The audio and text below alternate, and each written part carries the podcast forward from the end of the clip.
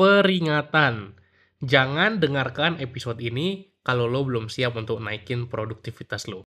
Karena gue akan bagikan 7 trik produktivitas advance yang bisa langsung upgrade produktif lo berkali-kali lipat. Let's go to the show. Halo, selamat datang di podcast Cerita Pembelajar. Kamu akan mendengarkan cerita mengenai pengalaman, gagasan, dan pembelajaran.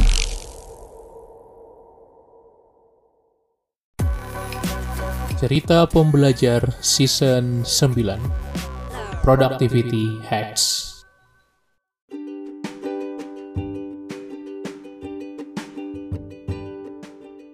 Halo, kembali lagi di podcast Cerita Pembelajar bareng gua Umar Al Faruqi yang akan membantu lo untuk terus produktif lagi. Terutama di season ini ketika kita bahas productivity hacks, lo akan belajar banyak banget trik, metode, prinsip untuk jadi lebih produktif. Oke, so langsung aja sobat pembelajar. Di episode kali ini kita akan membahas 7 trik produktivitas tingkat tinggi. Perhatikan, ini adalah level advance jadi kalau lo belum terbiasa dengan yang sederhana, lo mungkin boleh sayangnya skip episode kali ini dan cek episode-episode yang lain dulu. Ya, misalnya lo belum terbiasa mengelola waktu. Maka ketika gue bahas trik nomor satu, nanti lo akan bingung, apa ini? Mungkin lo belum terbiasa mindfulness ketika gue bahas trik nomor 7 yang mana paling penting, lo juga akan bingung. Jadi, ini memang gue peruntukan cukup advance, dan kalau lo bisa terapkan satu aja dari tujuh ini, maka yakinlah hidup lo akan berubah. Langsung saja kita masuk ke yang pertama. Yang pertama adalah kalender kontrol, ya. Bagaimana kita menguasai jadwal dan kalender kita. Ini adalah trik produktivitas yang cukup tinggi ya eh, levelnya ya. Kenapa? Karena mungkin tidak semua orang bisa mencoba mengendalikan 100% dari waktunya gitu. Karena kita punya pekerjaan, mungkin waktu kita dikendalikan oleh bos kita, manajer kita, atau mungkin orang tua kita, atau mungkin pasangan kita, anak kita, itu bisa jadi. Jadi, memang agak sulit untuk kita memiliki 100% kontrol terhadap jadwal kita. Nah, yang pengen gue share adalah bukan lo harus 100% kendali, tapi tingkatkan lah. Coba kalau sekarang ini lo punya kendali 50%, tingkatkan sedikit di 60% atau 70%. Maka lo akan punya waktu yang bisa lo kontrol lebih banyak gitu. Nah, kalender kontrol ini itu bisa kita lakukan dengan melakukan time blocking ya. Jadi kalau lo belum tahu time blocking, silahkan coba pelajari dulu gue akan langsung gue akan langsung deep dive ke detailnya kayak gimana. Jadi kita melakukan time blocking di banyak waktu-waktu kita dan kita mendedikasikan beberapa waktu itu untuk satu agenda tertentu. Ya jadi misalnya kita emang udah melakukan time blocking untuk reading time blocking untuk meditasi time blocking untuk berbagai aktivitas sehingga kita memiliki level kalender kontrol yang lebih tinggi ya. Dan ketika kita memiliki level kalender kontrol yang tinggi tidak bisa orang-orang serta minta serta merta minta eh ayo kita ketemu. Ayo kita ada meeting. Ayo kita ngelakuin bareng-bareng. Kita punya kuasa untuk melihat kalender kita dulu dan menyesuaikan. Menerima menerima dengan penyesuaian atau menolak atau mengusulkan jadwal lain. Nah kalender kontrol ini adalah konsep yang sangat powerful karena kita punya barrier atau pelindung di kalender kita. Dan ingat resource yang paling mahal adalah waktu. Kalau kita bisa menguasai kalender kita jadwal kita dan kalau lo belum menggunakan time management dengan kalender mungkin jangan diterapkan dulu. Tapi kalau udah ini akan bikin lo jauh-jauh lebih produktif. Kemudian yang kedua adalah mini crisis. Oke tolong ini hanya digunakan oleh ahli saja ya. Gue sarankan kalau baru mulai jangan coba karena banyak jebakannya. Oke apa itu mini crisis? Jadi ketika kita mengalami krisis ketika kita terdesak kita akan punya superpower yang baru. Kita tiba-tiba akan bisa melewati batas-batas kemampuan kita. Sebagai contoh kalau kita e, dikejar anjing dan kita sedang berlari cepat mungkin kita bisa lari melebihi kecepatan kita biasanya. Atau ketika kita punya deadline besok mengerjakan tugas yang deadline-nya besok harus segera dikumpulkan, kita tiba-tiba bisa menyelesaikannya dengan baik dalam waktu yang lebih singkat. Pernah nggak kamu merasakan seperti itu? Dan keterampilan ini, kemampuan ini yang mau kita terapkan di segala kondisi kita tanpa perlu kemendesakan. Nah, gimana caranya? Caranya adalah dengan menggunakan mini crisis ya. Kita buat krisis-krisis kecil yang ada dalam hidup kita. Sebagai contoh, misalnya gue rekam podcast, gue janjikan ke tim gue, gue akan rekam podcast eh, besok Ya kemarin gue bilang seperti itu dan ini beneran gue rekam karena gue punya deadline. Gue punya uh, apa ya krisis kecil gitu yang gue sengaja buat sendiri. Padahal sebenarnya kagak ada yang marahin coy kalau gue nggak bikin podcast. Kalau gue nggak rekaman, ya udah stop aja cerita pembelajaran nggak apa-apa juga sebenarnya. Tidak ada masalah besar. Tapi karena gue sudah berjanji ke tim gue untuk ngelakuin ini, ya gue jadi punya krisis yang lebih tinggi gitu ya. Nah, itu kita membuat mini krisis.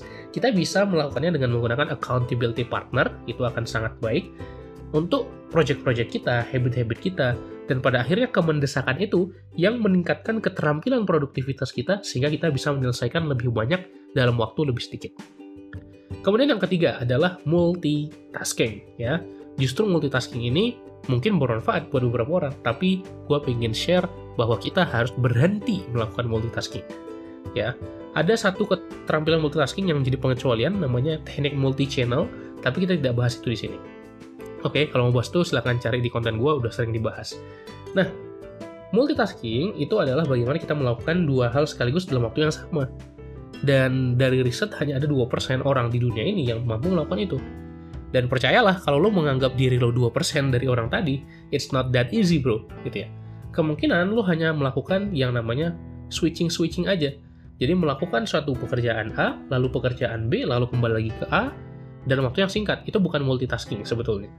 Nah, multitasking di sini benar-benar kita melakukan dua hal sekaligus dalam waktu yang sama, dan ini sangat-sangat-sangat menghabiskan mental energi kita.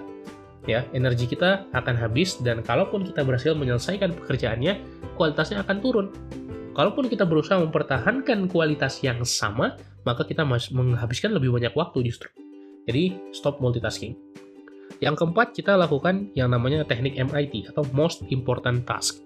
Jadi setiap hari kita coba punya satu, dua, atau tiga aja maksimal aktivitas atau kegiatan atau target maksimal yang kalau kita lakukan, hari itu adalah hari yang berhasil. Hari itu adalah hari yang sukses. Sebagai contoh, sekarang gue mencoba merekod merekam podcast gitu ya.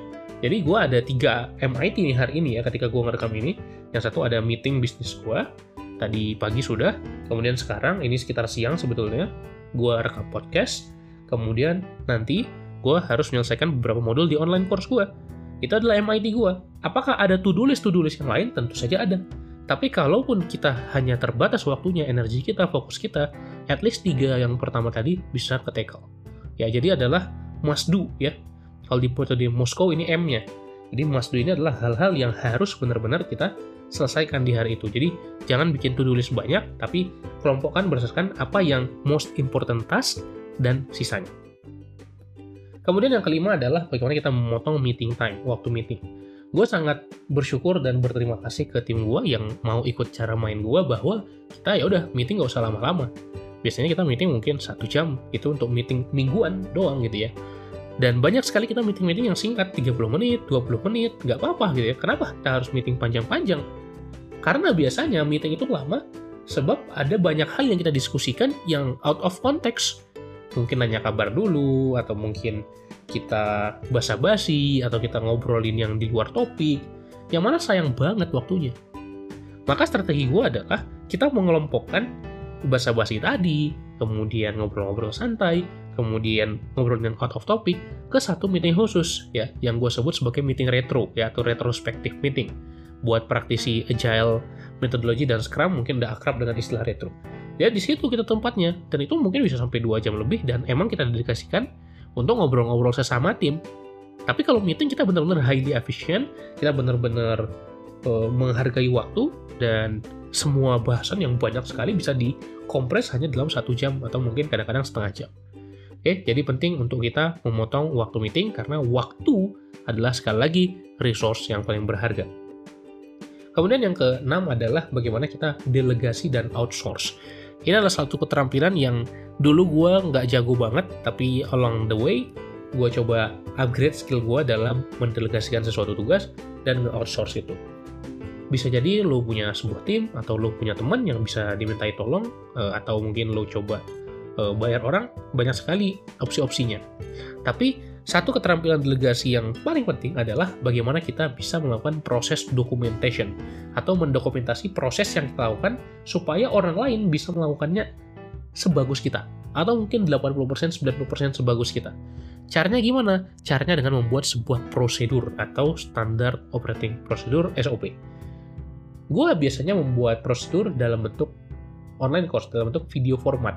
Jadi ketika gue melakukan sesuatu, gue rekam diri gue sendiri sambil share screen, kemudian videonya itu gue kasih ke tim gue, nih lakukan sesuai seperti ini untuk 5 task yang lainnya gitu. Jadi ini sangat efektif dalam proses delegasi karena gue bisa kasih instruksi dan dia melakukan hal yang setara kualitasnya dengan gue tanpa gue harus ngajarin satu-satu dan berulang-ulang ke semua tim gue.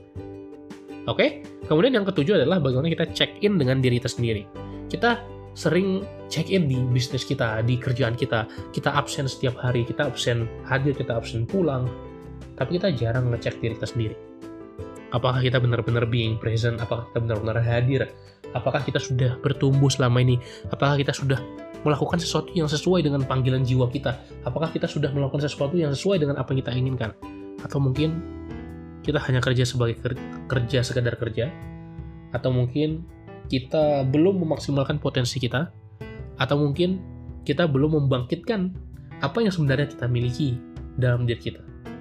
Dan sayangnya, sedikit sekali orang yang berusaha untuk being present, yang berusaha untuk check in dengan diri sendiri, melakukan refleksi, journaling, menuliskan bagaimana state dirinya sekarang, padahal itu sangat-sangat-sangat berguna untuk meningkatkan produktivitas kita.